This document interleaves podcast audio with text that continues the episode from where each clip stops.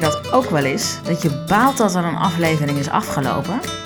Daarom nu bij de podcast Rebel op reis, de bonus track. Dit keer met Jochem Kartel over de zen-traditie, zijn ervaringen van eenheid en gedragen zijn, twijfel en over de recent overleden Thich. In de zen-traditie wordt vaak gezegd uh, dat we dingen die er continu al zijn, die merken we niet op. Dus het is er altijd, alleen wij merken het niet continu op. Uh, en ik heb dus zelf ook wel in de stilte, ik, noem, ik, noem, ik, heb voorkeur voor de stilte, dus, hè, want als je het zen noemt, dan zit je meteen weer aan zo'n hele traditie vast. Ook met allemaal foute dingen en hiërarchieën en uitsluiting. Dus ik noem het liever gewoon de stilte ingaan. En ook weer, daar hoef je niet religieus voor te zijn. En dan hoef je ook weer niet bij een bepaalde traditie te horen. Dus in de stilte heb ik, heb ik um, uh, wel een paar ervaringen gehad waarbij, uh, ja, en dan wordt het ook een beetje stamelen, maar dan heel gek, waarbij je, waarbij je eigen zelf niet helemaal weg is. Dus op, op een andere manier nog wel bestaat. Uh, maar tegelijkertijd ben je verbonden en één met, met, met, met het al of met alles, zal ik maar zeggen. En daarbij, bij die ervaring, had ik ook een heel diep bewustzijn van wat ze in het Engels ook zo mooi noemen uh, belonging. Wow.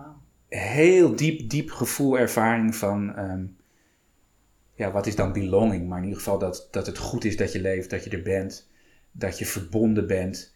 En dan heel, ja, heel intens, zal ik maar zeggen. Um, nou ja, zo heb ik nog een eh, andere, andere ervaring. Maar te, tegelijkertijd zeggen ze in de zen-traditie, en dat is denk ik goed, dat je meteen ook weer dat soort ervaringen in zekere zin moet loslaten en moet betwijfelen. Hè? Want anders kan je je daar ook weer heel erg aan gaan vasthouden. En, hè, dus, dus, dus een te grote focus op ervaringen is, is ook weer gevaarlijk. Hm. Um, toch zijn het wel, wel, ervaringen die ik koester. Ja. Um, andere ervaring is bijvoorbeeld ook, uh, ook tijdens de stilte.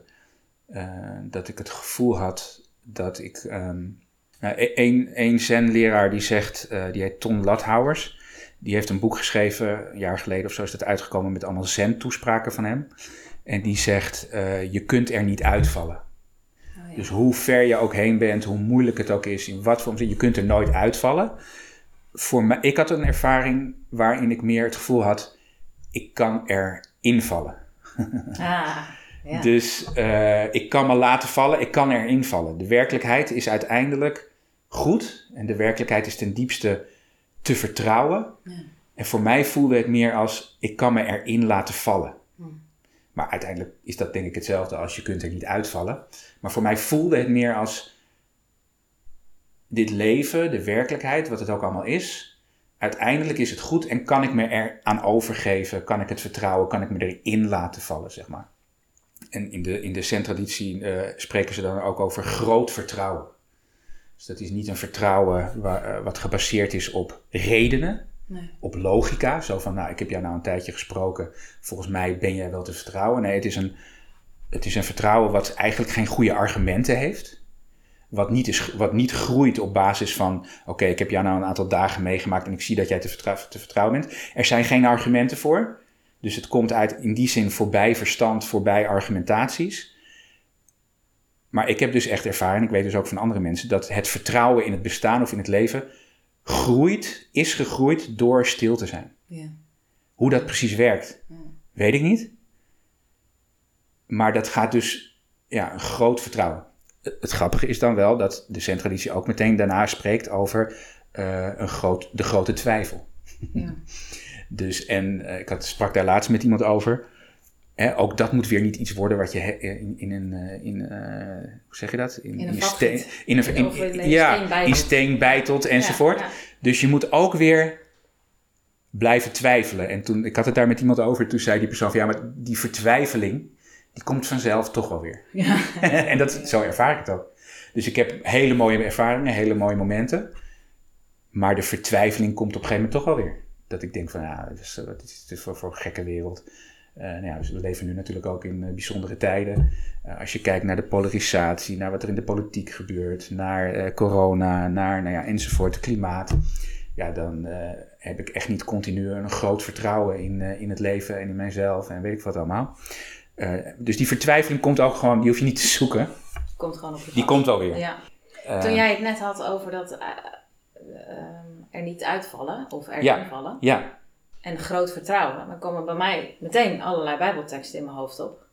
Van hé, je zal niet uit Gods hand vallen of al die tranen zijn geteld. Juist, juist. Dus me denken aan Abraham die op reis gaat in groot vertrouwen. juist, juist. Heb jij dat ook, dat je dan, zeker als je al theologie eh, hebt gestudeerd, dat je met zo'n zen-traditie bezig bent en dat je dan die, die bijbelteksten ook weer anders gaat lezen? Absoluut, absoluut. Dat is toch ook fascinerend? Absoluut.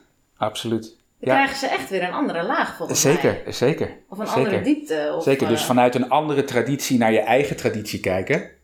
Dat is sowieso iets wat ik iedereen zou willen aanraden. Ja. En, en, overigens veel van die grote namen, zoals bijvoorbeeld Thich Nhat Hanh en, en andere, ook de Dalai Lama, die zeggen ook hè, van ik ga jou helemaal niet oproepen om van, bij je eigen traditie weg te gaan. Nee. Blijf vooral je eigen traditie uh, volgen en koesteren. Ja. Um, maar misschien kunnen we wel iets van elkaar leren en elkaar verdiepen. En vanuit een andere traditie, zij hebben dat trouwens ook zelf gedaan. Hè? Dus uh, Thich Nhat Hanh uh, heeft ook vergelijkende godsdienstwetenschap gestudeerd.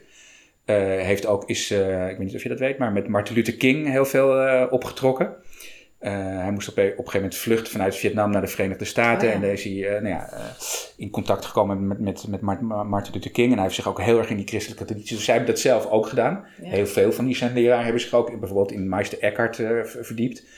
Um, dus vanuit een andere traditie naar je eigen traditie kijken is heel heilzaam, denk ik. Dus, dus wat je zegt, absoluut, absoluut. Dus ik lees ook nog eens een, een, een, een christelijke overdenking.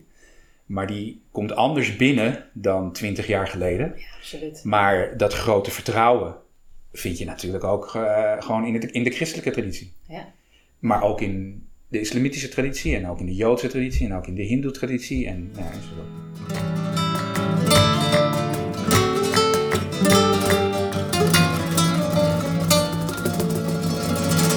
Leuk dat je luisterde.